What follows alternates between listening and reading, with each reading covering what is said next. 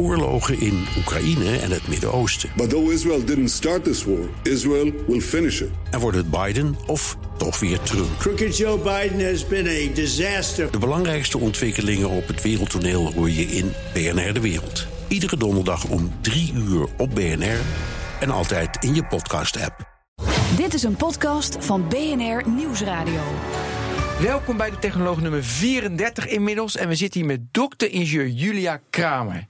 Ja, Juist, hallo. we gaan het hebben over quantum computer. Herbert Blankenstein, natuurlijk ook welkom. Herbert, quantum computing, wat borrelt er bij je op? Dan zeg ik, en dan zal ik meteen de boel op scherp zetten. Oh jee. Al zeker twee decennia veelbelovend. Ja. Ja, maar nu wordt alles anders vanaf deze podcast. Nee, En snapt iedereen het? En snapt iedereen het? Maar ja, ik weet, eh, heel, heel, veel, heel veel luisteraars willen ook gewoon toepassingen. Maar Ja. de, de basis, de achtergrond, lijkt me wel belangrijk. De trigger voor mij was, ik, ik las een paar artikelen, eh MIT review over. En dan begreep ik helemaal niks van. Je hebt ook quantum computing in software. En je hebt het, ik begrijp het, dat vind ik ook zo fijn. Ik snap er dus helemaal niks van. En dingen die ik niet snap, dat fascineert me dan. Dus dan ga je me vandaag al, eh, ga je allemaal uitleggen. Maar omdat de, je, hebt in software quantum computing en in, in, gewoon in hardware, in computers. Dat verschil, dat triggerde me. En dan had Microsoft en Google hadden weer iets. Zo kan je programmeren in de Quantum Cloud van Google. En ik dacht, hoe. Nou, welkom. Leg, eh, leg uit eh, wat is quantum technology, Ja, Julia. ik ga mijn best doen om Ja. het uit te leggen. We zijn benieuwd. Eh, en ik ga jullie nog iets meer fascineren dan. Eh, misschien is dat ook een hele goede start om, eh om quantum wat meer tot je te laten komen. Ja. Eh, en misschien moeten we om quantumtechnologie te begrijpen toch ook een beetje terug in de geschiedenis. Kennen Kom maar jullie? Ja? Ja. Nou, quantum, eh, eh, quantum natuurkunde is eigenlijk nog best wel nieuw. Dus eh, ongeveer 100 jaar geleden werden de wetten van de kwantummechanica eh, voor het eerst vastgesteld door natuurkundigen. En op dat moment stonden ze eigenlijk voor een crisis. Het was een beetje een revolutie. Je had de oude natuurkundige tegen de nieuwe. En de natuurkunde die daarvoor vaststond was de natuurkunde van Newton. Een appel valt uit de boom. De natuurkunde over Ja. dingen die wij zien in ons dagelijks leven. Maar er is ook een heleboel natuurkunde die we niet zien. Zowel de natuurkunde van de hele grote dingen zoals het heelal. En van de hele kleine deeltjes zoals elektronen of lichtdeeltjes. En die natuurkunde die waren ze toen aan het opschrijven. Dat was eigenlijk meer wiskunde. Eh, en daar kwamen dingen uit als deeltjes kunnen op twee plekken tegelijkertijd zijn. Of deeltjes kunnen een golf en een deeltje zijn. ja. Eh, nou ja, dat Onzekerheidsrelatie. Onzekerheidsrelaties, ja, precies. Ja, want ik zit hier met twee natuurkundigen aan tafel. Ja, ja, ja, want Herbert Je zit er tussenin. Ja, je zit er tussenin, heerlijk. Ja, ja, ja, ja. Nou ja, dus, maar het is helemaal niet erg als je denkt: ik geloof er niks van. Ik vind dat bizar. Want Albert Einstein vond dat ook. Dus die schaarde zich onder natuurkundigen in die tijd, dus ongeveer 100 jaar geleden. En die, vond het, die zei: het is spookachtig. Het is niet waar. Dat Maar kan komt niet daar, waar die, zijn. komt daar die uitspraak, eh, God dobbelt niet? Ja. Komt die, daar komt hij ook vandaan? precies. Ja. Ja, hij zei alles ligt al vast van tevoren. Nou, dat deeltjes op twee plekken tegelijkertijd kunnen zijn. Eh, hij had net de lichtsnelheid vastgesteld. Hè? Niks kan sneller dan het licht. Nou, gelukkig is dat nog steeds niet zo. Daar heeft hij wel gelijk in. Maar hij zei ja, die wetten van de kwantummechanica die gaan daar tegen in. Dat kan niet. Eh, dat vond hij dus spookachtig. En eh, hij heeft ook tot zijn dood eigenlijk geprobeerd om, om die kwantummechanica te weerleggen. En je kan je misschien voorstellen dat in die tijd, als je dus ja, dat uit die wiskundige vergelijkingen kwam, maar je kon niet een elektron gaan bekijken. Je kon niet een enkel lichtdeeltje vangen. Eh, dus in die tijd moest je dat, ja, moest je of ontzettend vertrouwen op je eigen wiskunde. Ja, of je kon zeggen, het is niet waar, het is niet compleet, we begrijpen het eigenlijk nog niet. Maar de Einstein was, is de grondlegger van. eh, ja, die is de grondlegger, maar die heeft ook zijn hele leven daarna proberen te weerleggen. Maar maar, je zelf zelf de grondlegger- van de relativiteitstheorie. Van Ja, de, maar ja, maar niet van de Nee, kwantummechanica. nee, Nee. want daar moest hij eigenlijk niks van hebben. Nee. Oké. Niels Bohr. Dat is was Bohr, hè? Ja, Bohr, ja, Max Planck. Ja. Dus eigenlijk de, wat, de jongere generatie natuurkundigen uit die tijd, die waren daarmee bezig. Dus het was Ja. echt, echt een revolutie. Van de jongeren, die, die stonden op en die kwamen met nieuwe vergelijkingen. Eh, en eigenlijk dus die theorieën die ze in die tijd hebben ontwikkeld, die hebben ons geholpen om te staan waar we nu staan. Dankzij hun hebben we, hebben we lasers, hebben we koelkasten, hebben we computers. Hè, dankzij die wetten die toen zijn vastgesteld. Maar Hoe dan? Ja, dus door, door het begrip van de natuurkunde op die schaal, door te begrijpen hoe elektronen werken, door te begrijpen hoe, hoe licht werkt, hoe lichtdeeltjes werken, konden we eigenlijk de technologie verder ontwikkelen. Maar we konden nog niet enkele lichtdeeltjes bekijken en nog niet enkele elektronen bekijken. Maar ik wil nog even hoe dan, want ik hoor altijd dat, weet je, van dankzij die theorie hebben we nu de mobiele telefoon. Ja. En eigenlijk is er nu een, een gebrek aan nieuwe ontwikkelingen, want we moeten een, een nieuwe theorie, zodat we weer eh, zeg maar, verder kunnen, Hm, hoor ik wel eens. Ja. Maar ik wil nog steeds, oké, we hebben die theorie, mooi. Mhm. En daar volgt uit koelkasten, zei en telefoons. Maar hoe dan? Ja, lasers. Nou ja, dus doordat we begrijpen van. eh, dus een laser bijvoorbeeld werkt door eh, gestimuleerde emissie van atomen, zo noemen we dat. Dus een, eh, een, een atoom wordt eigenlijk, krijgt wat extra energie. En daardoor gaan zijn elektronen in een andere energietoestand. Die vallen weer terug en daardoor zenden ze een lichtdeeltje uit. En ze precies op zo'n manier dat al die lichtdeeltjes dezelfde kleur zijn en op dezelfde manier golven. Nou, dat is eigenlijk precies ook een van de basisdingen van, eh, van de kwantumtheorie. En dat is wel iets waar Einstein bijvoorbeeld ontzettend mee bezig is geweest. Dus de emissie van lichtdeeltjes. Nou, dat is dus het begrip wat we toen hadden, waardoor we nu technologie hebben. Maar we zijn nog niet op het punt dat we alles. Dat we de kwantummechanica optimaal hebben benut. Dus we kunnen wel dingen met heel veel lichtdeeltjes. En we kunnen dingen met heel veel elektronen. Een voorbeeld daarvan is de computer. Ja. Maar we zijn nu bezig om dingen te doen met enkele lichtdeeltjes en enkele elektronen. En die zo zijn beschermd dat ze echt informatie bevatten. die ze ook kunnen bewaren en die we kunnen gebruiken voor de computers en de netwerken van de toekomst. Maar jij, jij vraagt Ben, hoe, hoe volgt dan de mobiele telefoon bijvoorbeeld, of de smartphone uit Ja. de kwantum? Weet je, het, het gaat om, dat zegt Julia ook al, eh, het gaat om het, het begrijpen van het gedrag van elektronen. Als je het begrijpt, dan kun je dat dirigeren. En eh, de hele elektronica is het dirigeren van elektronen naar de plek waar je ze wil hebben, op de Ja. manier waarop je eh, wilt dat dat gebeurt. Ja. En dan kun je een beeldschermpje, een een beeldpuntje ergens laten oplichten. En dan kun je Ja, een luidspreker eh, op de juiste manier aansturen en noem maar op. Ja. En berekeningen uitvoeren. Dus dat is het eh, hele eieren eten. Ik maar Ja, dit is een hele goede uitleg inderdaad. Nou ja, dat is Ja, het eigenlijk precies. Ja. Die staat nergens voor. Ja, en het, en het ik was verdien er natuurlijk. ook mijn geld mee. Ja. Nee, en het was natuurlijk ook niet zo dat ze dat de dag nadat die theorie er was konden. Dus daar was dus tijd voor nodig. Het is altijd zo en dat zien wij nu ook. Er is wetenschap. Eh, dus er komen nieuwe theorieën, er er komt nieuw begrip van de natuurkunde. Nou, vervolgens moet dat bezinken. Dan vervolgens komen er ideeën van wat kan je daar dan mee? Nou, dan hebben ze daar wel een idee van, maar dat is er dan nog niet. En dat, wat kan je er dan mee? Dat ligt altijd een beetje binnen de belevingswereld die er nu is. Dus je maakt eerst altijd dingen die wel misschien iets in de toekomst liggen, maar wel passen bij wat we nu hebben. Eh, en dan vervolgens ja, moet je de technologie, moet je dingen uitproberen. Vervolgens werkt er misschien één op de duizend computerchips met een aantal bits die ze toen in die tijd maakten.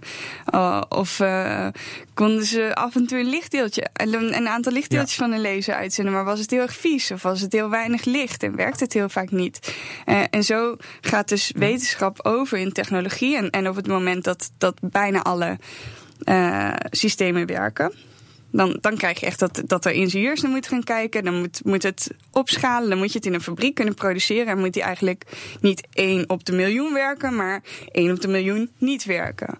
Nou ja, daar zijn we met kwantumtechnologie nog lang niet. Maar we zijn wel toe aan het werken naar het punt waarop ja, wetenschap. Dus technologie wordt. Ja, maar ik onderbrak je wel in het verhaal van dat je ineens moest uit gaan leggen van hoe de, van die theorie dat we ineens lasers hebben en koelkasten en mm -hmm. telefoons. Ja. Maar ik onderbrak je in het verhaal van die, van die geschiedenis naar ja. nu in die, in, in die tijdlijn. Ja. ja dus zij, Van mij mag je weer vervolgen. Even terug naar die tijdlijn. Nou, ze, ze hadden dus toen die, dat noemen we dan de eerste kwantumrevolutie, die, die uh, uh, theorieën opgesteld, waar ja, wat omstreden was. Nou, vervolgens ging de wereld door, maakte nieuwe technologie. En in die tijd konden ze dus geen enkele elektronen bekijken. Ze konden geen enkele lichtdeeltjes bekijken. Ze konden alleen gedachte-experimenten doen. Zo noemen we dat dan. Of gedanken-experimenten. Het waren allemaal Duitsers die dat dan deden. Of veel. Uh, en uh, ja, dat is dus eigenlijk, kan je zeggen, uh, dat is ook niet zo gek dat ze dat bizar vonden. Want ze konden nooit een enkel elektron bekijken. En dat zeiden ze ook. Dat, dat is niet binnen onze machten, maar nu wel. Dus daarom zeg jij ook van nou, al, uh, al twee decennia veelbelovende technologie. Ja. ja, nou, ik denk dat er ongeveer twee, misschien vier decennia op het punt zijn dat we dus uh, dankzij, wel dankzij het begrip van de natuurkunde, kunnen afkoelen naar hele lage temperaturen. Die nodig zijn om die hele kleine energieën die horen bij de wetten van de kwantummechanica te kunnen isoleren en waarnemen. Uh, kunnen ja, dus ook materialen kunnen maken. We kunnen materialen beter begrijpen. We kunnen ze ook beter uitrekenen, waardoor we chips kunnen maken waarop we kwantumdeeltjes kunnen vangen. Uh, en, en ja, dat begrip en die technologie die daarbij hoort, die kunnen we nu gebruiken om te zeggen: oké, nou we hebben die bizarre wet van de kwantummechanica. Uh, ze zijn nog steeds onvoorstelbaar. Uh, we zijn niet meer zo arrogant om te denken dat alleen maar wat wij zien waar is. Dat, dat, dat we kunnen bevatten dat het natuurkunde op, voor bijvoorbeeld voor hele kleine deeltjes anders is dan wat wij in ons dagelijks leven zien. Maar wat kunnen we daar nou mee? Nou, wat kunnen we daar nou mee? Ja, wij denken dat we toegaan naar netwerken en computers gebaseerd op de kwantummechanica. En dat denken we niet alleen bij QTech in Delft, maar dat denkt ook Google en dat denkt ook IBM en Microsoft en Intel. En, ja, dus, en ook heel veel andere onderzoeksinstituten in de wereld. Dus nu is er echt een race gaande naar ja. ja maak van die kwantumwetenschap uh, een technologie.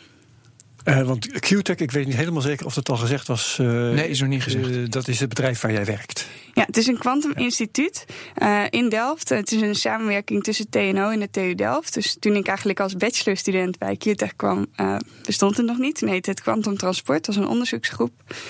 en in 2013 is het opgericht samen met TNO vanuit die onderzoeksgroep. En TNO levert dus ook ontzettend veel uh, kennis op het gebied van schaalbaarheid en, uh, en specifieke. Dus is voortgekomen uit een, uit een wetenschappelijk instituut. Het is nu een bedrijf geworden. Nee, het is geen bedrijf, zeggen? het is een instituut. Oh, het is nog steeds een instituut. Ja. Oké, okay, ik dacht dat het een commercieel bedrijf was. Ja, precies, want nee. Microsoft zit erin.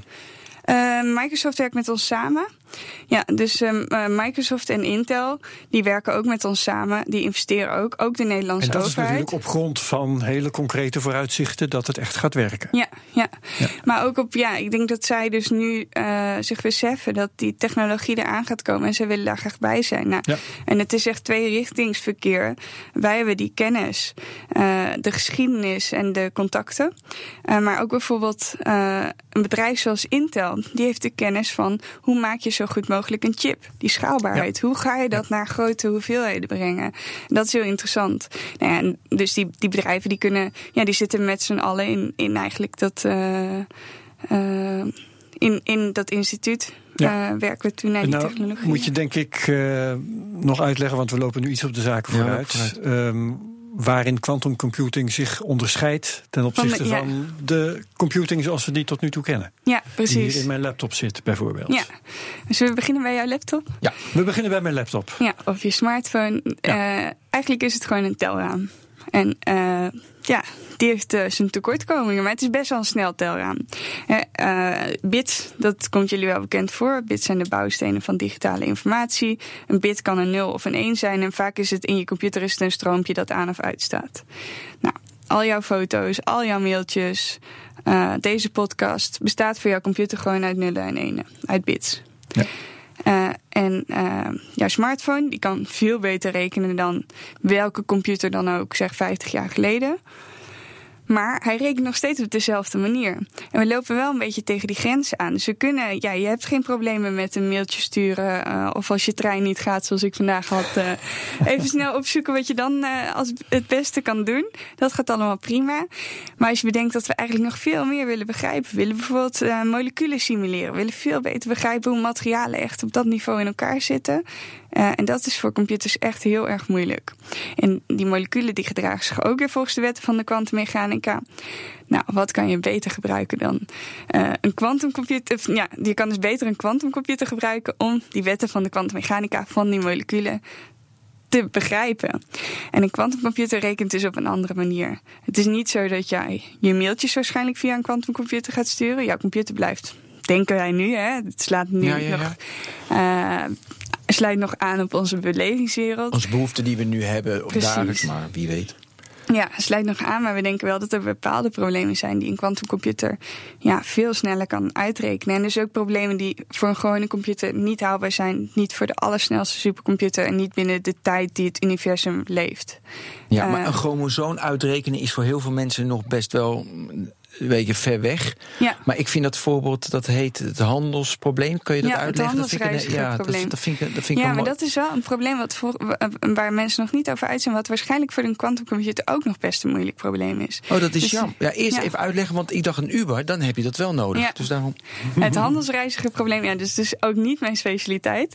Eh, maar je hebt dus, stel je voor, eh, je wil eh, als eetbezorgservice Ja. naar vijf verschillende plekken, maar je wil al, al het eten tegelijkertijd meenemen. Dus je wil zo kort mogelijk onderweg zijn, anders wordt het eten koud. Nou, vijf plekken, de kortste weg daartussen. eh, en je mag de volgorde zelf bepalen, dat is nog wel te doen. Dat is uitrekenen. Zes wordt al wat moeilijker, zeven wordt een stuk moeilijker. En op het moment 30? dat je 200 of 30... Ja, maar hier heeft thuis bezorgd, om even digitaal ja. en heel concreet. Uber heeft dus hiermee te maken met dit ja, probleem. ja, ja, precies. En Ja. dan?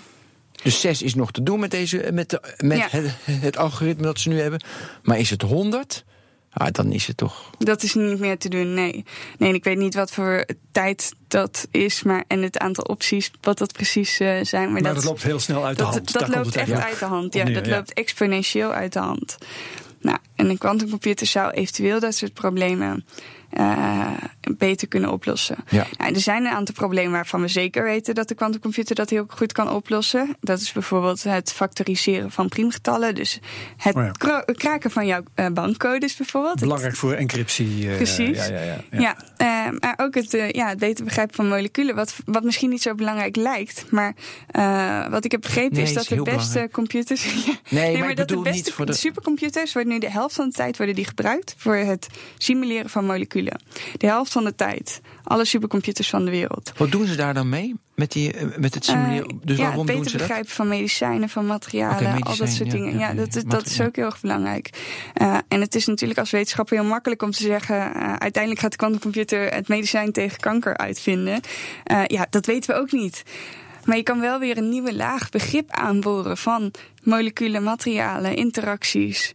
op een schaal die voor ons nog ja, Ja. toch wel een beetje een onbekend terrein is. Maar En, kun, eh, kun jij, want volgens mij hebben we dat nu nog overgeslagen. eh, eh, je, je bent begonnen bij de laptop en Mhm. smartphone. Maar eh, eh, kun je ook uitleggen hoe die kwantumcomputer dan precies werkt? Ja, ja. Of ongeveer de werkt. bouwstenen. Ja, precies dus we waren opgehouden bij de bits.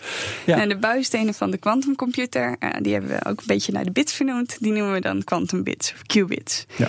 Eh, en die kunnen niet alleen 0 of 1 zijn, maar ook een soort toestand daartussenin. Dus we noemen dat soms 0 en 1 tegelijkertijd.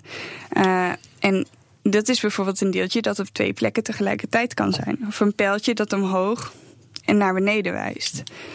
Eh, en dat noemen we een superpositie. Superpositie is eigenlijk een van de belangrijkste begrippen van de kwantummechanica.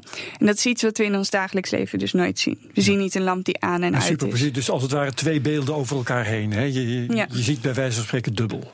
Ja, ja behalve dat je het dus eh, op het moment dat je het ziet, dus bekijkt, dat noemen we dan een Oh ja, meting. dat is het. ja. Eh, dat is een hele goede brug. Dat is ook heel anders voor een kwantumdeeltje. Kijk, als ik naar jou kijk, je hebt een roze t-shirt aan. Nou, dat t-shirt verandert niet van kleur. Eh, als ik niet naar de maan kijk, is die wel daar. Voor een kwantumdeeltje die in een superpositie is, dus we gaan weer terug naar de bits van 0 en 1 eh, tegelijkertijd. Op het moment dat we naar zo'n kwantumdeeltje kijken en hem om een antwoord vragen, krijgen we één antwoord, bijvoorbeeld 0. En na afloop, als we dan nog een keer kijken, is hij weer 0. En, en weer en weer, hij is dan ook gewoon 0. Hij is niet meer in die superpositie. Ja, totdat je er weer wat anders mee doet. Ja. Ehm, maar het had ook gekund dat het antwoord 1 was. Ja. Eh, en als het antwoord 1 was, was hij daarna weer 1 en nog steeds 1. Dan was hij voor altijd 1. Dus een superpositie van 0 en 1, die is, geeft met een bepaalde kans de ene uitkomst 0. Met een bepaalde kans de andere uitkomst 1. Maar daarna is dat deeltje ook aangetast. Hij heeft die superpositie niet meer. Dus eh, als je daarmee wil rekenen en die kracht van superpositie wil gebruiken. Dus als je er naar kijkt, dus die meting maakt, dan kiest hij. dan kiest hij. Ja, En precies. daarna is- is, dat het. Daarna dat is ook is zo'n dat het. kreet uit de kwantummechanica. Meten is verstoren. Die heb je Ja. vast, vast Ja. wel eens gehoord. Ja, ja, ja, ja. Dus zodra je kijkt, Eh, is die mooie dubbelzinnigheid Mhm. die Is weg. Die is weg. Ja. Maar nu moeten we daar vandaan moeten we op een of andere manier komen bij heel snel kunnen rekenen. Want Ja. dat, is, eh, dat is de essentiële stap volgens mij. Ja. ja, je kan je misschien voorstellen dat als je meerdere toestanden tegelijkertijd hebt, kunt hebben, dat je meerdere sommen parallel kunt uitvoeren in plaats van na elkaar. Dus waar een bit moet wachten op zijn vorige bit, kunnen bits zeg maar alle soorten antwoorden tegelijkertijd kan je erin stoppen. In een computer, dan doe je een ander algoritme. Hè, dus de kracht zit hem ook in de manier waarop je rekent. Eh, eh, en dat is ook anders. Je stopt er allemaal nullen en enen in. Je doet een bepaalde berekening. Daarin gebruik je die begrippen van de kwantummechanica, superpositie en verstrengeling. Dat heb ik dan nog niet uitgelegd. Dat is eigenlijk een superpositie van meerdere kwantumdeeltjes, meerdere kwantumbits. En aan het einde wil je wel dat daar dan weer nullen en enen uitkomen, want dat is dan jouw antwoord. Nou, en eigenlijk dat, dat daartussenin, dus de manier waarop die rekent, dat kan parallel gaan in plaats van sequentieel, dus in plaats van na elkaar. Eh, en dat betekent dus dat als je dan weer terug gaat naar je computer, als je een twee keer zo snelle computer wil of een twee keer zo grote rekensom wil uitvoeren, heb je een twee keer zo grote computer nodig. Dus je hebt twee keer zoveel bits nodig. Voor een kwantumcomputer verwachten we dat je dan één kwantumbit moet toevoegen. Ja, het heeft dus, dus omdat zo'n deeltje eigenlijk eh, een hele hoop toestanden tegelijk heeft, Mhm. zolang je niet kijkt tenminste, eh, kan hij een hele hoop berekeningen tegelijk uitvoeren. Dat, Ja. is, dat is waar het op neerkomt. Ja, ja. En dus voor bepaalde problemen. Niet voor alles, maar voor problemen die zich op die manier verlenen. En er is natuurlijk dan ook weer een hele groep theoreten die erover nadenkt. Wat als? Wat als je een kwantumsysteem hebt die dit soort dingen kan, kan? Wat ga je dan uitrekenen? Hoe ga je dat dan uitrekenen? En dat is echt een vakgebied op zichzelf. Dus aan de ene kant. Wat, waar je quantum computing eigenlijk op kunt toepassen. ja, ja, dat, is, precies. dat is een wetenschap Dat is ook eigenlijk. wetenschap, ja. Omdat het ook zo moeilijk voor te stellen is. Ja. Je kan eh, een kwantumcomputer tot op zekere hoogte nog wel simuleren. En dus ook kijken van nou, hoe werkt dat dan? Maar ja, de kracht van de kwantumcomputer zit erin dat die berekeningen kan die een klassieke computer niet kan, die jouw laptop niet Ja. kan. Dus dat betekent dat het op een gegeven moment heel moeilijk wordt voor te stellen van wat je er dan echt mee kan. En, en, en je zei het eigenlijk al, maar het komt er dus op neer dat eh, dingen als tekst verwerken, die gaan we niet aan zo'n computer to- toevertrouwen. Nee, dat denken dat we niet. gebeurt eigenlijk al goed genoeg. Ja. Maar wat- eh, dat denken hier. wij nu, ja. Ja. Maar ja, als je bedenkt dat eh, de eerste iPhone, tien- de iPhone is dit jaar tien jaar oud. 2007. Ja. Ja. komt die uit. Ja. Nou ja, ik eh, kan mijn leven zonder mijn inmiddels twee iPhones niet meer voorstellen. Ik heb een horloge om mijn arm die continu in verbinding staat met mijn telefoon. Ja, het- dat is tien jaar hè. Ja. We kunnen ons niet voorstellen wat, hoe de wereld er qua technologie over tien jaar uitziet. En ik vind dat juist ook heel erg interessant. Kijk, we hebben wel wat ideeën, maar ik ben juist super benieuwd wat we er echt mee gaan doen. Ja, dus jij zegt, sluit niet uit dat we misschien toch nog gaan tekstwerken met een quantumcomputer, omdat het uiteindelijk is wat we dan straks in de toekomst gebruiken en Ja. niks anders meer. Ja, wat ik ook heel leuk vind als er dus mensen in ons, sorry, mensen in ons lab komen. Dan zien ze, ja, we werken met hele grote systemen. Het gaat naar hele lage temperaturen. Dus er zit een enorme koelkast om onze quantumchips heen. Eh, en als mensen daar dan zijn, dan zeggen ze, oh ja, nee, dat ga ik nooit op mijn bureau zetten. Ja, Lief, hè? ja. Ja, even beschrijven. Ja, ik heb het, want, want ik heb die filmpjes bekeken. Het is Ja. maar heel klein. Jouw, jouw chip, jouw, Ja. eh, jouw Ja. quantum chip. En dan een hele grote koelkast. eh, heel erg koud moet dat worden gemaakt, want het, het, het wekt heel veel energie op. Ja. Maar wat bereken je, even naar, even naar jouw vraag. Wat, bereken, wat, voor, wat doe je er nu mee dan? Wat bereken je nu? Ja, nu laten we heel veel dingen zien daarmee. Dus nou, wat ook wel leuk is om te vertellen is dat eh, de quantumcomputer, hoe die er uiteindelijk uit gaat zien, weten we nog helemaal niet. Dus dat betekent bij QTech hebben we verschillende soorten quantumchips waarmee we, ja, die, die de ene eh, kan het ene heel goed, de ander kan het andere heel goed. En we leren en heel veel van elkaar. Nou, bijvoorbeeld eh, gevangen elektronen op eh, halfgeleiders. Dus dat zijn, ja, die lijken eigenlijk het meest op de chips in je gewone computer. Daar maken we een soort eilandjes in en daar vang je dan een enkel elektron in. En die kun je met, met een ander enkel elektron interactie laten hebben, uitlezen. Nou ja, daar doen we dus kleine berekeningen mee. We hebben supergeleidende quantumchips. Die zijn- zijn dan weer ja, de qubits, dus de, de bouwstenen van die computer zijn wat groter. Eh, maar het is helemaal moeilijk voor te stellen. Het is een soort vage toestand van een superglijdende eh, ja, toestand. En we zien het een beetje voor ons als een schommel. Die eh, de ene frequentie, dus de ene tijd erover duurt om te schommelen als er niks op zit. En als er een 1 op zit, dus als hij 0 is, schommelt hij met de ene frequentie. Als er iets op zit, dan schommelt hij ietsje anders. En zo kun je van een afstandje zien of er iets op zit, ja of nee. Ja, precies. Nou, dus dat, uh, dat is een andere qubit. Dan hebben we het Majorana-deeltje. Dat is helemaal een exotisch deeltje. Die is dat is er. het nieuws geweest. Ja, precies. Dat is er een die veel in het nieuws is. Dat is waar Microsoft uh, nu op wedt. De supergeleiders daar werden IBM en Google trouwens op. Uh, en Intel bij bij QTech is betrokken bij de, zowel de supergeleiders als de halfgeleiders. Maar we, hebben ook, uh, we zijn ook bezig met netwerken, daar hebben we het nog helemaal niet over gehad. En dit doen we met uh, enkele elektronen die gevangen zijn in diamant. Uh, en die laten we contact maken met lichtdeeltjes. En die lichtdeeltjes die kunnen dan weer heel ver reizen. En daarvoor denken we dat netwerken dan weer heel goed zijn. Nou, behalve die chips. En ik ben er vast ook wat vergeten. Want er zijn allerlei verschillende manieren waarop we dus bij QTech, maar dit zijn een beetje de grote overkoepelende waar we mee bezig zijn. Zijn er ook mensen bezig met wat, uh, hoe maken we zo'n structuur, hoe maken we zo'n computerarchitectuur, zeg maar. Dus hoe ziet het in alle lagen eruit? Dat doen we bij QTech. Uh, wat voor protocollen moeten we hebben om berekeningen te doen, maar ook om het netwerk te beveiligen. Uh, en ook dat soort dingen hebben we allemaal ja, in huis bij ja. Als, als ik het zo hoor, dan uh, zijn jullie gewoon wat de fysieke vorm van, van die computer betreft nog in het stadium van uh, nou ja, de, de computers van kort na de Tweede Wereldoorlog, ja. die hele kamers in beslag namen. Precies, ja, of nog veel nog terug. Ja. Nog misschien nog eerder wel. En, ja. en ik hoor er ook in dat jullie ook wat de. Ik denk dat ik het software mag noemen. Uh, ook mm. in dat stadium van toen zijn. Ja. Dat eigenlijk alles nog van de grond af moet worden opgebouwd. Ja.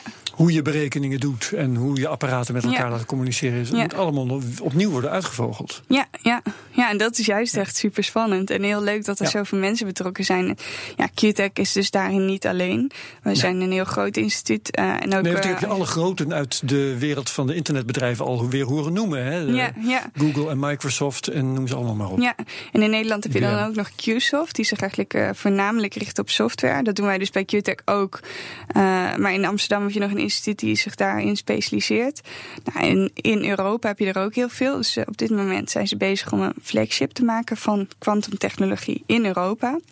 Dus het is echt Europa de krachten bundelen van die verschillende onderzoeksinstituten om, uh, ja, om mee te doen aan die race. Ja. Dat, is ook, ja, dat op zichzelf is ook heel spannend en interessant. En het is echt een race. Ja. Dat zie je ook en, in die lijst. Horen, ja. zit, ja. er ook, zit er ook groei in. En ik ben eigenlijk heel benieuwd of je dat in een, in een cijfer kunt uitdrukken. Want bijvoorbeeld in het aantal mensen dat zich ermee bezighoudt. Ja. Ik weet niet, uh, is, is dat wel eens in kaart gebracht? Hoe dat in, in, per jaar toeneemt, bijvoorbeeld? Weet ik niet uit mijn hoofd. Dus Want als je ik kunt kijk nu naar niet spreken van op, om, omzetten, denk ik, uh, die je met elkaar kunt vergelijken. Maar misschien wel. Nee. Ja, onderzoeksgeld erin stoppen? Onderzoeksgeld Ja. misschien, ja.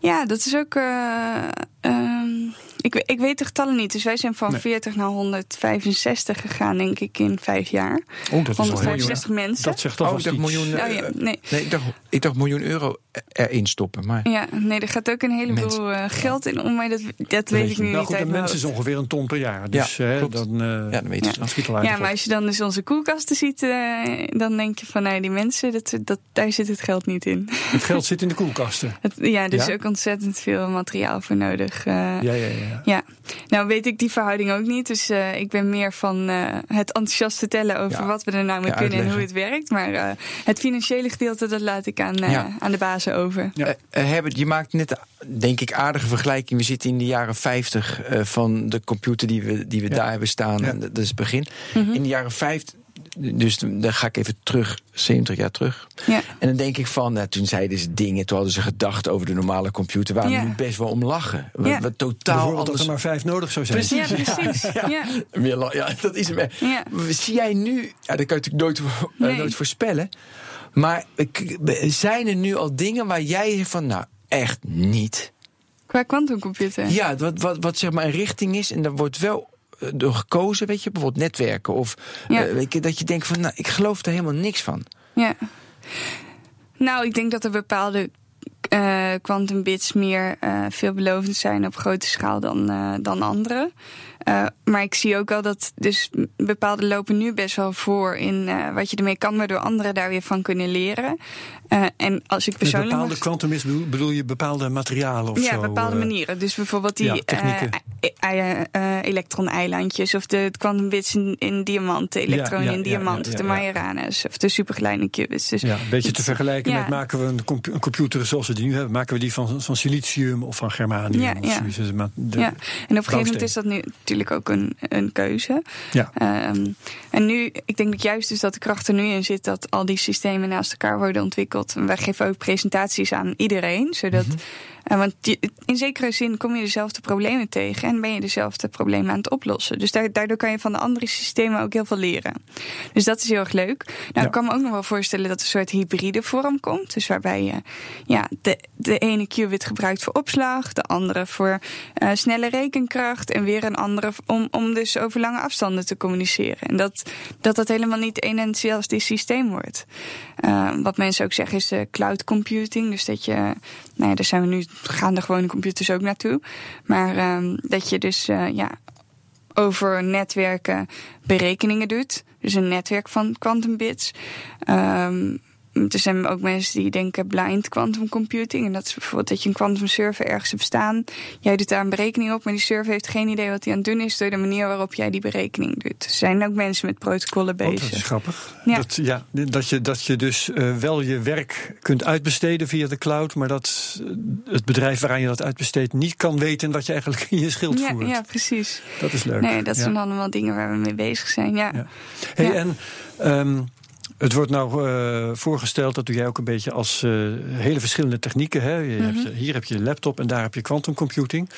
Maar um, zou het mogelijk zijn dat je op een dag een laptop hebt met ergens uh, in een hoekje van de kast een stukje quantum computing Mhm. dat je kunt aanzetten, bij wijze van spreken, als er een probleem, als je met een probleem te maken krijgt dat zich daarvoor leent?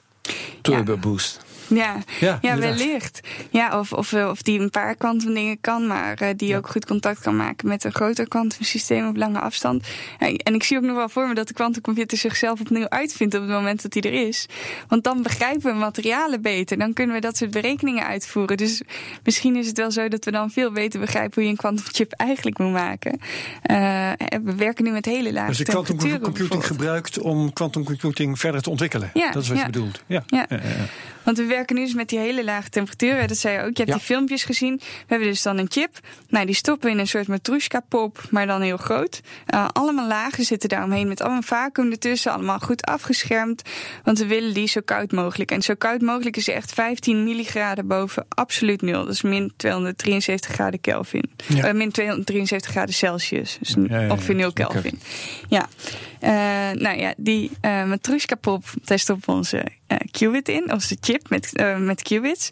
Maar daar willen we wel vervolgens, die willen we kunnen manipuleren, daar willen we berekeningen mee doen, we willen hem ook Er weer moet een uitlezen. draadje uit. Er moet een draadje uit. Nou, dat is best wel een uitdaging. Ja. hoe doe je dat? Ja. Want die gaat ook weer warmte geleiden. Die geleidt warmte, die ge maakt ruis. en we hebben het over energieën die zo klein zijn. Dus dat, ja, dat, die koelkasten die zien er echt fantastisch uit. Die hebben allemaal laagjes. En dan in die laagjes wordt dus naar beneden toe steeds ja, alle rotsen uit die signalen gehaald. Zodat die dan heel schoon bij onze quantumbits uitkomen.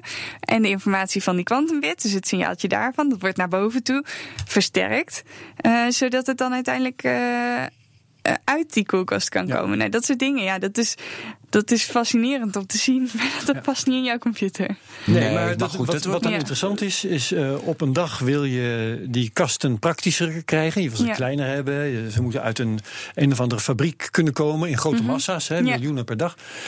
Um, wat zou het meest perspectiefrijk zijn dat je ervoor zorgt dat die koelkasten heel klein kunnen worden, blijven het wel koelkasten, of dat je een techniek vindt dat het niet meer koud hoeft te zijn. Ja. Nou, ik, ik zou zeggen, ik zou gaan voor de techniek dat het niet meer koud is Ik te ook. zijn. Ja, dat wil je het liefst, maar Ja. Gaat dat lukken? kan dat in principe? Ja, lastig. Ja. Weet ik niet. Nee.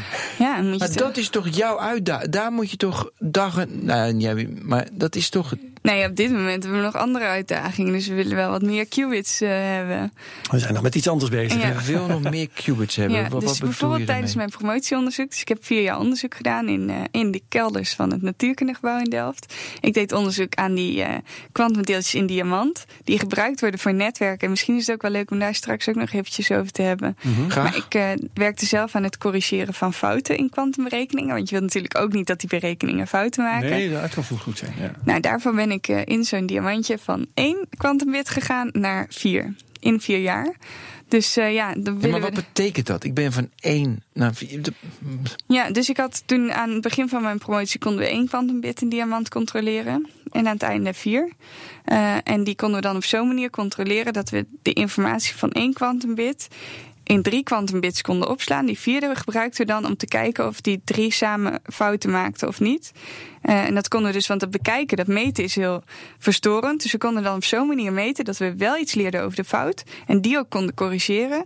Maar niet zelf fouten introduceerden of gewoon de hele verstoring aan die kwantuminformatie toevoegden. Dus dat, nou, drie is de kleinst mogelijke waarop je dat kan laten zien. En we waren de eerste ter wereld die dat op die manier konden laten zien. Dus dat je kan kijken en direct ook weer kan corrigeren.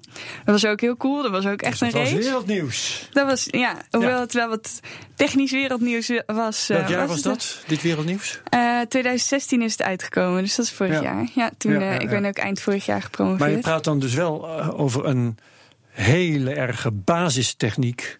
Want Mhm. hè, eh, ik moet even. Mijn, mijn eh, laptop hier, die werkt met eh 32 bits. Mhm.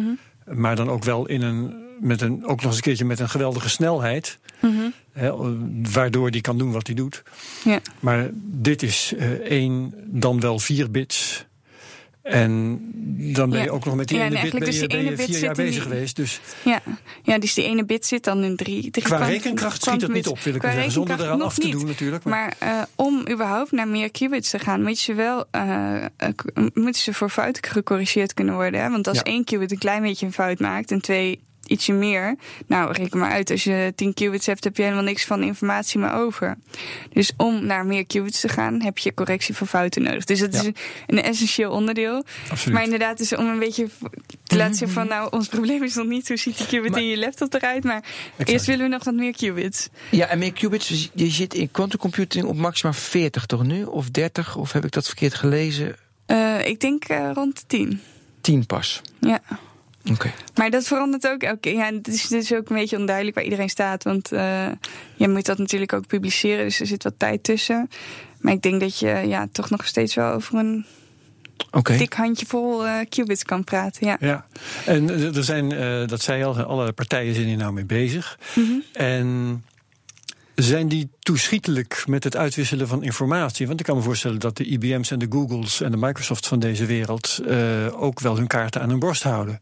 Ja, van de wel. concurrenten mogen het niet weten. Ja, dus het is een kunnen. beetje eh, half-half. Natuurlijk ben je voorzichtig. Maar het is ook niet zo dat als je een publicatie hebt waarin je laat zien wat je kan, dat iemand anders dat dan de volgende dag ook kan. Het is een, ook een gezamenlijke race. Dus bijvoorbeeld de Googles en de IBM's en de Microsofts gaan ook naar de natuurkundeconferenties waarop we over quantum computing praten. Eh, en het is ook heel fijn als jij iets doet dat iemand anders dat ook kan doen. Want dat betekent dat het werkt. Wat echt klopt, ja. Ja. Dat is, eh, is de maar het zou wel fijn zijn als dat jij dan de eerste bent. Ja. En kan je, eh, heb je iets als quantum as a platform? Dus dat, dat je het platform hebt en dat ik mee kan rekenen of mee kan doen? Ja, dus nu heeft IBM dat, dat was wat je in het begin denk ik ook eh, Ja. noemde. Dus IBM heeft een, eh, eh, de Quantum Experience heet dat. Dat is een, ja, een online tooltje waar je op kan inloggen en dan kan je op hun quantum chip een paar berekeningetjes doen. Nou, dat is ook wel grappig. Ja, dat, En wat voor berekening? Want eh 2 x 2 is 4, dat is misschien te kinderachtig. Ja, dat zijn ook voor- niet typische berekeningen die quantumcomputers Nee, precies. kunnen. Maar er Dus zit dan, je ja, dan? je werkt een hele tutorial eigenlijk een beetje door. Ja. En je gaat wat leren over de basis van kwantumberekeningen. kun je dan kan dat vertegenwoordigersprobleem bijvoorbeeld daarop loslaten? Nee, Nee. dan had je gezegd dat is niet zo'n goed voorbeeld. Nee, dat kan dus niet. Hij kan ook natuurlijk niet zoveel, hij maakt ook nog fouten. Ja. Maar eh, die is die algoritmes, dus de manier waarop die rekenen, dat kan je dan inbouwen en dat doe je dan met blokjes. Eh, en dat kan je dan, eh, ja, daar kan je wat dingen uitrekenen. Dus ik denk voornamelijk dat dat voor studenten bijvoorbeeld die in de master zitten en, en over quantum computing nadenken, dat dat hartstikke leuk is om te proberen. Maar jullie kunnen dat ook. Dus je krijgt tijd op zo'n qubit en dan kan je dat uitrekenen. Toch een keer doen, Ben? Ja. Hè? Ja, Zullen we het nog even over eh, netwerken hebben? jij, ja, jij Ja. blijft bij de les. Ja, ja, ja. ja. Heel goed. Dus we hebben die quantum computing en dat is een kant op zich. Eh dus snelle, supersnelle rekenkracht, die, eh, je codes kraken, dat zei ik net ook al. Ja. Bepaalde problemen eh, zijn zo makkelijk. Want, want het wordt tegenwoordig eh, al gezegd in de veiligheidswereld. Je moet eigenlijk je, eh, je cryptografische sleutels Mhm. al zo groot maken, zo onkraakbaar maken, dat ze in de toekomst, als de kwantumcomputer er eenmaal is, dat ze dan niet gekraakt kunnen worden. Daar moet Ja. nu al over worden nagedacht, heb ik al gehoord. Ja, en ik denk dus dat, eh, zoals wij het dus een beetje zien, zijn die rekensommen heel makkelijk op te lossen voor een quantumcomputer. Zijn die heel makkelijk te kraken. Nou, maar wij werken ook toe naar onkraakbare netwerken. Dus netwerken die ook op een heel andere manier werken dan de netwerken, het internet dat we nu hebben. Eh, en dan eh, gaan we naar een ander begrip van de kwantummechanica. Dat heet verstrengeling. Ik had het wel één keer genoemd, denk ik. Ja, dat, ja, dat is de Ja. derde. Ja, dat is eigenlijk waar Einstein het meest van wakker lag. Dat vond hij echt spookachtig. Dus dat deeltjes een verbinding met elkaar hebben, maakt niet uit over welke afstand, waarbij ze eigenlijk geen informatie hebben van zichzelf. Nou, de analogie die het meest dichtbij komt bij verstrengeling is dat ik een muntje op zou gooien. Eh, de helft van de tijd vind ik kop, de helft van de tijd vind ik munt. Jij doet dat ook. Nou, wat vind je? De helft van de tijd kop, Ja. de helft van de tijd munt. Maar op het moment dat ik jou opbel en ik zeg, oh, wat had je de eerste keer? Nou, jij zegt kop. Ik zeg, oh, ik had ook kop. Wat had je dan de tweede keer? Ja, munt, ik ook. Derde keer, ja, munt, ik ook. Blijkt dat je dus altijd precies dezelfde uitkomst hebt, maar bij jou, bij jezelf, lijkt het alsof het gewoon compleet random is. Heeft niks, niks van informatie. Nou, die verstrengeling, eh, dat is dus dat eigenlijk twee kwantumdeeltjes over een afstand een superpositie met elkaar delen. Dus gedeelde informatie hebben. En dat geeft correlaties, dus ge- overeenkomstige meetuitkomsten die zo sterk zijn dat we dat klassiek, dus, dus met die muntjes, nooit zouden kunnen nabootsen. Dus geen manier om dat klassiek te doen, alleen volgens de wetten van de kwantummechanica. En dat was een hele grote uitdaging om dat ook daadwerkelijk te bewijzen. Dus als je bedenkt dat Einstein dat spookachtig vond en wij in 2015 in Delft hebben laten zien, met alle andere mogelijkheden uitgesloten, dat dat daadwerkelijk zo is die verstrengeling, dat die bestaat en dat er geen andere verklaring voor is, dan zit er nogal wat tijd tussen. En dat was ook echt een onderzoek wat op de voorkant van de New York Times kwam. En wat het, dat was echt wereldnieuws. En wereldnieuws wat. En wat is de, van die bevinding de praktische waarde? Wat, Ja. wat kun je daarmee doen? Nou, dat is de basis van die netwerken. Dus gebaseerd op verstrengeling eh, kan je dus een, een verbinding aanleggen die als iemand daartussen komt. Dus eerder meet. Dus bijvoorbeeld, ik heb een kwantumdeeltje wat verstrengeld is met een kwantumdeeltje dat jij hebt, maar die is onderweg naar jou en jij bekijkt die eventjes, Ben. Dan ehm, is die verbinding weg. Dus door het bekijken van, die, van een van die twee deeltjes zijn ze niet meer verstrengeld. En wij kunnen een bepaalde test doen op onze kwantumdeeltjes. Stel, we hebben er eh, duizend en we doen een bepaalde test op de eerste honderd of op de elke zoveelste. Eh, en we bekijken die meetuitkomsten, die eh, vergelijken we even met elkaar. Dan kunnen we direct zien dat iemand heeft afgeluisterd. Want het lukt Ben nooit meer om precies dat deeltje na te maken op zo'n manier dat die weer verstrengeld is met die van mij.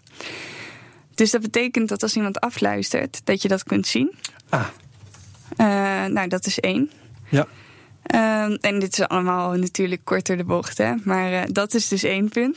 En het andere is dat we informatie kunnen teleporteren. Dus dat betekent dat die Dat informatie nooit via Ben komt. Eindelijk.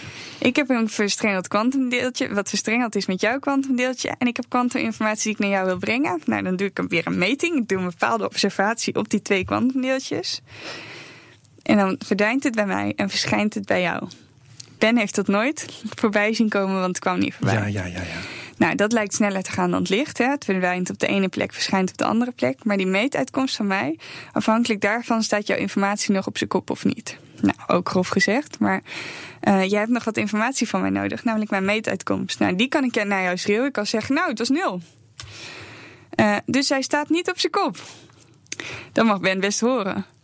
Want daar heeft hij niks aan. Dat leert hem niks over de informatie die jij hebt. Maar dan weet jij hmm. wel op welke manier jij je kwantumdeeltje moet bekijken, zodat jij de informatie hebt die ik jou wilde versturen. Ja, ja. is dat wat, wat ze verstaan onder kwantumcryptografie? Dat woord heb ik wel eens uh, ja, cryptografie is de manier waarop je eh, die beveiligingen doet. Dus de, de, de netwerken echt beveiligd. Dit is kwantumteleportatie. Nou, dat hebben we ook in Delft Nieuw gedaan. Nieuw geleerd. Ja, in eh, 2000. 13 of 14 is dat eh, gelukt in Delft. Over Iemand drie in Delft is heel erg blij met deze podcast, volgens mij. Ja. ja. Ik kom ook toevallig. Uh, ja, nee, dat is volkomen helder. Nee, maar het is wel zo dat dus, eh, zeker op het gebied van netwerken en, en ook op het gebied van quantumcomputing, en dat zie je ook als je die lijsten bekijkt, ja. QTech is een van de wereldspelers. Wat ook heel bijzonder is voor eigenlijk zo'n klein instituut relatief ja. in het kleine stadje Delft. Hoe komt dat, even tussendoor, hoe komt dat volgens jou? Hoe komt, ja, volgens mij, dus dan komt, komt nu mijn persoonlijke eh, idee. Kom maar op. Ja. Eh, nou, ik denk één, wij zijn Nederlanders. eh, we hebben een ondernemersgeest en we doen het gewoon. En het andere is ehm, dat ik denk dat de kracht is die onderzoeksgroep die bestond al.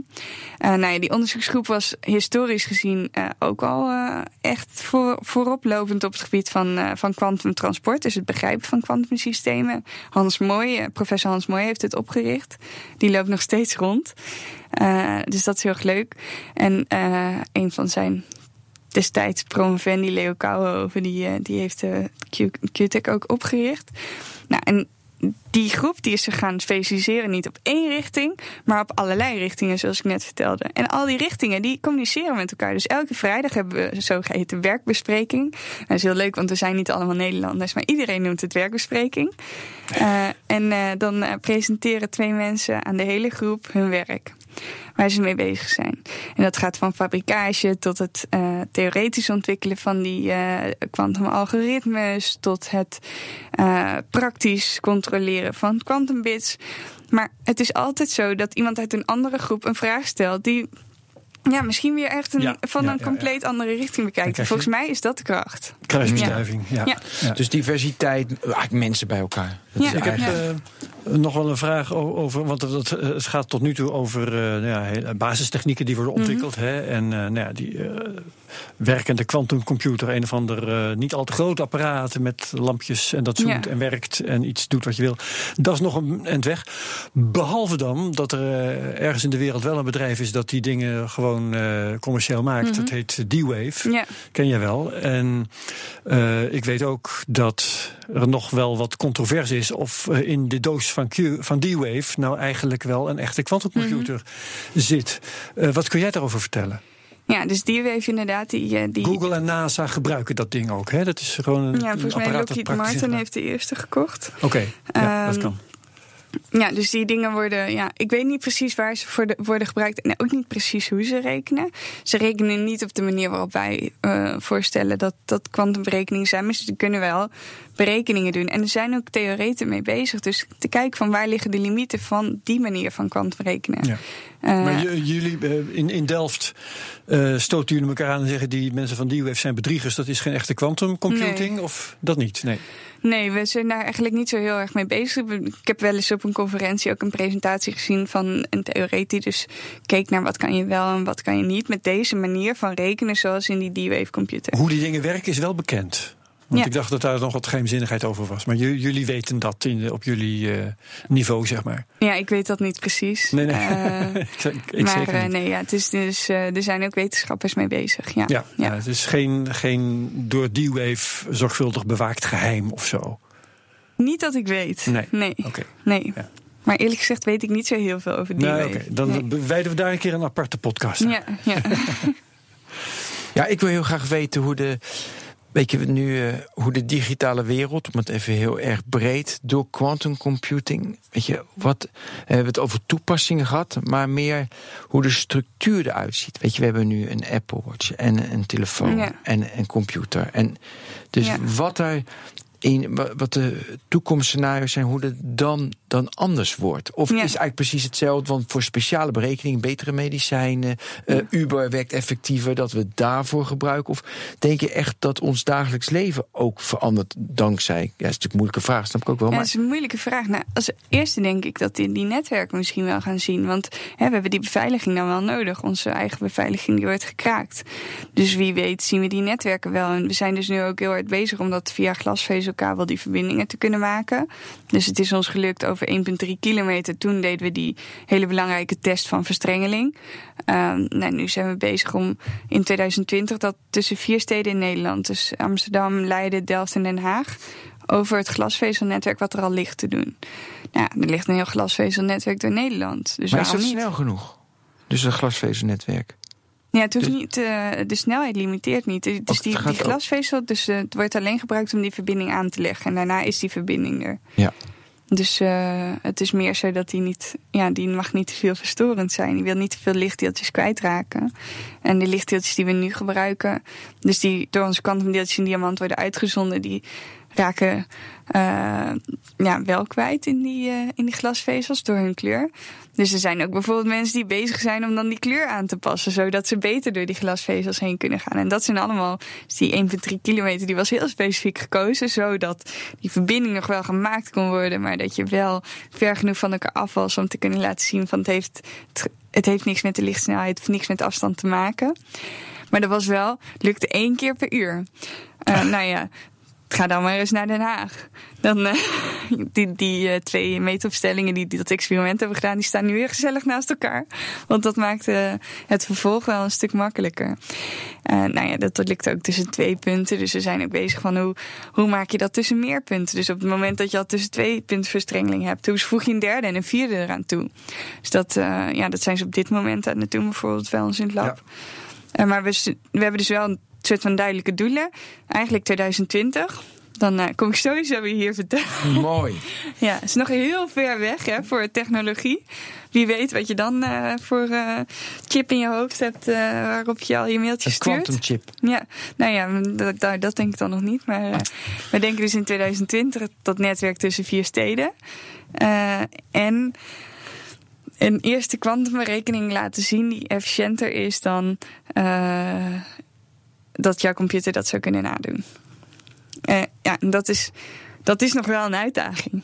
Ja, ik krijg wel een heel romantisch beeld. Want ik, ik weet dat het, eh, het oorspronkelijke internet is in Amerika ontstaan. Ook weer doordat er draadjes werden getrokken tussen vier Ja. universiteitssteden.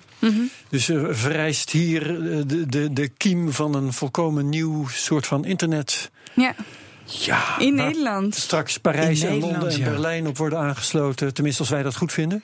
Ja, ja dat lijkt me echt superveel. ja. ja, ik hoop daar wel echt Het eh, op. quantum internet. Ja, Ja. ja, daar gaan we over eh 2,5 jaar ook verder over praten. ja. Dus even kijken, wat is, er, wat is er nog nodig om een. eh, A, om. om eh, nou ja, dat, dat internet hebben we het over, dat, dat, dat eh, is in de maak. Maar Mhm. wat is er nog nodig om een, een werkende quantumcomputer te krijgen? Wat, wat, Ja, dus wat voor van- obstakels moeten er uit de weg geruimd worden? ja, zowel schaalbaarheid, dus eigenlijk het toevoegen van qubits eh, op zo'n chip. Dat is echt een grote uitdaging, zonder dat ze te veel fouten maken. En dan foutcorrectie. Dus en, dat, en wat heb je nodig om dat te bereiken? ja, Geld! heel veel verschillende, ja, geld, goede mensen. Eh, nee, maar dus dan is het makkelijk op te lossen. Want de, zeg maar, de partners hebben onbeperkt geld. Weet je, Google, ja, die zit niet bij jullie in het partnership. Maar weet je, dat is onze Microsoft. concurrent, ja. Ja, ja. Nee, want we moeten de wereld beter. Dat is geen Ja, ja, concurrentie. ja. Nee, maar goed. Conculega. Er Ja. is onbeperkt budget. Dus da- dat kan niet zijn. Nee, ja, en, en dus de goede mensen en de inzichten. Dus het is, Ik denk ja, inderdaad, je intellectueel vermogen. Ja, is Ja. dat de beperkende factor, zoals het heet? Nou ja, als ik rondkijk bij, bij ons en, eh, en ook bij andere plekken. Iedereen is echt heel hard aan het werk. En iedereen heeft ook heel duidelijk dat doel. En iedereen zou er liever gisteren zijn dan morgen. Maar ja, je komt natuurlijk tegenslagen tegen. Je zit hier echt op het grensvlak van wetenschap en nieuwe technologie. Je weet heel vaak niet wat, wat je kan verwachten. Je hebt vaak hoop dat zoiets zo gaat werken. Maar je komt altijd voor verrassingen te staan. Dan moet je dan weer oplossen. Nou, dat is wetenschap. Dat is ook heel leuk. Maar ja, dat, ja, daarom eh, waren we niet de dag nadat de kwantumtheorie werd ontwikkeld, eh, hadden we de kwantumcomputer. Ja, dat soort dingen hebben tijd nodig. Ja. Ja. en Er is, er is een beroemde tekst van. Het is niet echt een uitspraak, want dat was niet in het openbaar volgens mij. Hij eh, probeerde, ehm, ik ben zijn naam even kwijt, maar eh, de, de, de, iemand van Pepsi eh, Cola probeerde die over te halen om directeur van Apple te worden. Mhm. En toen zei hij: Wil je nou de rest van je leven suikerwater eh, verkopen of wil je de wereld veranderen? Mhm. Ja. Implicatie was duidelijk: als je de wereld wil veranderen, moet je Ja. bij Apple zijn. Oké, Eh, ik ben student, ik wil de wereld veranderen. Moet je dan in de quantum computing duiken? Ja, ik Of zijn er ook nog andere mogelijkheden? Er zijn vast ook nog andere mogelijkheden. En er zijn natuurlijk op dit moment ontzettend veel coole dingen gaande in Nederland. Maar Ja. ja. ik wil hierbij zijn. Ik, Mhm. ik ga echt niet weg bij QTech. En eh, ik denk ook echt dat we een goede kans maken om als eerste die netwerken en die computers op in ieder geval een voorbeeld te laten zien. Eh, we worden ook heel serieus genomen door de wereld. Dus ja, als je een passie hebt voor natuurkunde en voor technologie. Dan eh, zou ik voor de kwantumcomputer kiezen, ja. Of netwerken. En maar ja, ga- ik zit daar natuurlijk ook. Dus, ja, ja, eh, precies. Ja, ja, ja. Nee, je zit ook voor je eigen parochie, of nee, Ja. voor je eigen winkeltje. Ja. Nou, Maakt niet uit, dat is, dat is heel goed. Ehm. Maar En- ik zie ook wel dat dus de wereld heeft ook, ook steeds meer interesse erin. Dus we staan nu Ja. op het punt, en dat zie je ook aan die grote bedrijven die daarin investeren. Het is niet meer zo dat het een soort van ja, aantal gepassioneerde mensen in een keldertje die een tijdmachine proberen uit te vinden. Nee, ik zie het ook echt als de volgende leap. Weet je, dus Ja. dat is mooi. En dat duurt nog vier, vijf jaar. Ja. Even getal. Vier, Nou ja, vijf- dat- dat- ja, ja, dat denk ik. Of vier, vijf jaar totdat we echt wat grote stappen gaan laten zien. ja. en maar de voor- grote stappen volgen elkaar keihard op. Je Maar, keihard is, op. is de, maar Ja. grote stappen. ehm, wat ik eigenlijk zou willen weten is wanneer hebben we gewone commercieel verkrijgbare quantumcomputers? ja. Dat, dat vraag ik om voordat je antwoord geeft.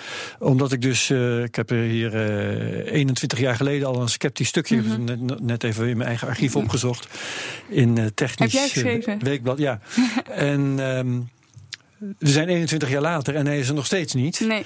Dus hoeveel jaar nu nog? Is mijn vraag. Ja. Eh, geen idee. Nee, Dus ik denk dat de eerste nog vier 21 jaar. Of zoals Ben zegt, nog vier of vijf. Nee, dat zijn Ja. de eerste. Om de, om de, de- Dus pardon. die vier, vijf jaar, dat is dat, dat netwerk tussen vier Ja, punten en juist, die ja. eerste Oh, ja. berekening. Ja. Nou, wie weet gaat het daarna heel erg snel. Eh, en is het Ja. dan een kwestie van, eh, van opschalen, uitbouwen en eh, produceren. Maar wie weet kom je dan weer nieuwe uitdagingen tegen. Dus ja. Maar jij bent ervan Geen overtuigd. garanties. Nee, nee, maar jij bent ervan van mij, overtuigd dat uiteindelijk, en dat denk ik wel dat je overtuigd bent, maar even bevestiging, dat de, dat de digitale wereld, dat de computerwereld gebaseerd is op quantum. En Ja. niet meer op Newton.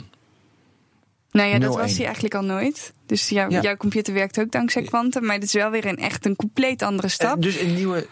Ik denk dat dit echt wel een gamechanger is voor technologie. Eh, dus dat het, en ik zeg niet dat jouw laptop wordt vervangen, jouw smartwatch, je smartphone. Oh, niet. Dus zover wil je niet gaan. Ik dacht al, Nee. alles wordt vervangen. Daardoor. Nee. Nee. maar die simpele Nee, de berekening die moet je, dus is wel handig. wat je kan zeggen is, een kwantumsysteem kan worden gesimuleerd op een gewone computer, tot op zekere hoogte en niet zo efficiënt. Maar andersom kan dat niet. Dus er zijn dingen die kan een Ja. kwantumcomputer. En wat ik in het begin zei van dat we om. Ehm, weet je, ik denk, ik denk aan de wet van Moore, dat het neemt af, maar dan hebben we dan zeker geen last meer van als kwantum eh, gemeengoed is. komt er vast weer een nieuwe wet. Misschien, ja, misschien Ja. is er wel zo'n soort wet ook voor de quantumcomputer. Maar dat Ja. moet allemaal nog blijken. Ja, dat moet allemaal blijken. Maar zitten we aan het einde van de. Weet je wel, eh, they, eh, they promised us flying cars and we got 100, eh, 140 characters. Weet je, Pieter Thiel, dat, Mhm. we, dat, de, dat de innovatie. Dat is allemaal digitaal geneuzel, zegt hij. Ja. Want we vliegen nog steeds in, in 6, 7 uur al 50 jaar naar New York. Ja, maar als je dan die hyperloops weer bekijkt, ja, wie weet. Maar dat is nog steeds op, op. Dus hij zegt: we hebben een nieuwe doorbraak. Dat zegt hij niet, maar dat, dat impliceert hij. Een nieuwe doorbraak nodig in de natuurkunde, in de natuurkundeonderzoek. Een nieuwe Einstein nodig. Om weer een, een, een nieuwe Leap s- te doen. een te maken. ja. Zie jij dat ook? Of is dat echt eh, populair gepraat? Nee, ik denk van dat we nu nog steeds drijven op die eerste kwantumrevolutie en eh, met die leap bezig zijn. Dus laten we die even afmaken. Dus die kunnen we nog Ja. veel verder voeren. Nou ja, daar zijn we nu mee bezig. Dus dat, eh, ja, kijk, die kwantumcomputer en dat kwantuminternet, die zijn er nog niet. Dus eh, Hm. volgens mij hebben we die kwantumtheorie nog, niet, nog lang niet uitgespeeld. Oké, dus, Dus daar, uithalen wat erin zit. Ja. Ja, Vind ik ook wel verstandig. ja. En die leap hebben we nog niet gemaakt. Ja, anders had je al een kwantumcomputer. En eh, Ja. eh, ze- waren al verbonden met een kwantuminternet. Nou, kijk, ik hoef geen quantumcomputer. ja, dat denk je nu. Nee, Precies. Nee, ja, nee, dat is, Ja, is een his- historische uitspraak. Maar wat, ik, maar wat ik wel wil, is natuurlijk betere medicijnen. Weet je, dus Ja, toepassingen ja. wil ik. Telefoon, ik hoef computer. niet Maar jij zo'n zei ding. 20 Nee, nee, nee, nee, nee, nee, nee, nee, nee, nee. Ja. Kijk, eh, daarom zeg ik, ik, eh, ik hoef dus geen mobiele telefoon. Ik wil de toepassingen van de mobiele telefoon. Dus ik hoef geen Ja. quantumcomputer. Ik moet een beetje betere medicijnen. Ik moet een efficiënte Uber. Ja. Dus dat zijn de toepassingen. En dat wil ik natuurlijk wel. Want ja, jou niet schelen waarmee.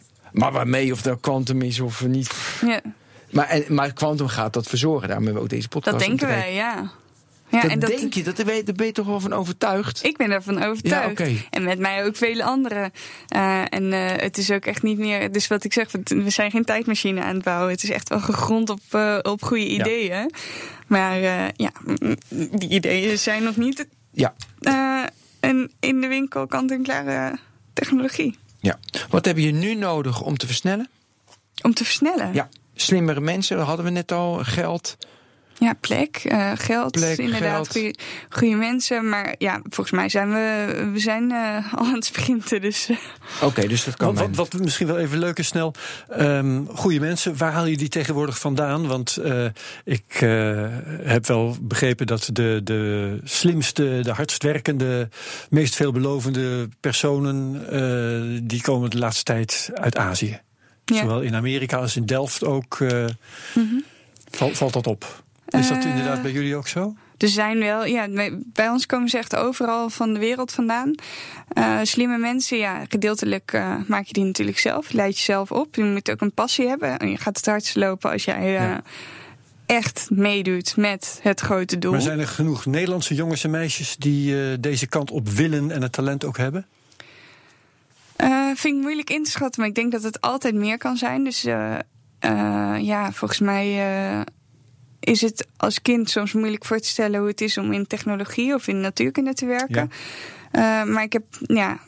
Dus ik wilde zelf bijvoorbeeld nooit natuurkundige worden. Nu ben ik gepromoveerd in eh, ja, een van de meest diehard natuurkunde richtingen die je kan, eh, kan kiezen. En je kon zo goed leren. Dat kon ik inderdaad heel goed. Nou ja, ik ben per ongeluk bij natuurkunde beland en ik ben ontzettend blij dat ik dit heb gedaan. Ja. Dus ik zou inderdaad alle kinderen willen aanmoedigen. Kijk, als je natuurkunde leuk vindt, ik vond het wel heel leuk op de, op de middelbare school. Als je alles wil weten en je bent nieuwsgierig, dan ja. Je gaat al mee in de stroom en iedereen heeft zijn sterke punten en iedereen moet dingen leren. En eh, ja, met z'n allen maak je die technologie en de wetenschap mogelijk. Ja. Mooi. Kinderen Ja. zijn niet onze grootste doelgroep, denk ik, bij de technoloog. Maar het is toch genoteerd. Nou, de Ja, ouders moeten de dat ouders vertellen kunnen het aan de kinderen vertellen. Zeker weten. Het zijn niet alleen maar eh, ja, oude mannen in grijze jassen. Dus het is echt een ontzettend diverse groep. Dus uit allerlei landen, eh, allerlei verschillende soorten mensen die daar ja, met z'n allen dat mogelijk maken. Spannende werkomgeving. Ja, Mooi? Inspirerend. Oké, dokter-ingenieur Julia Kramer, dankjewel dat je er was. We hebben Ja. sowieso de afspraak over drie jaar en wellicht eerder. Herbert, bedankt. Dit was de technoloog nummer 3, 34? 34. 34. Tot de volgende technoloog.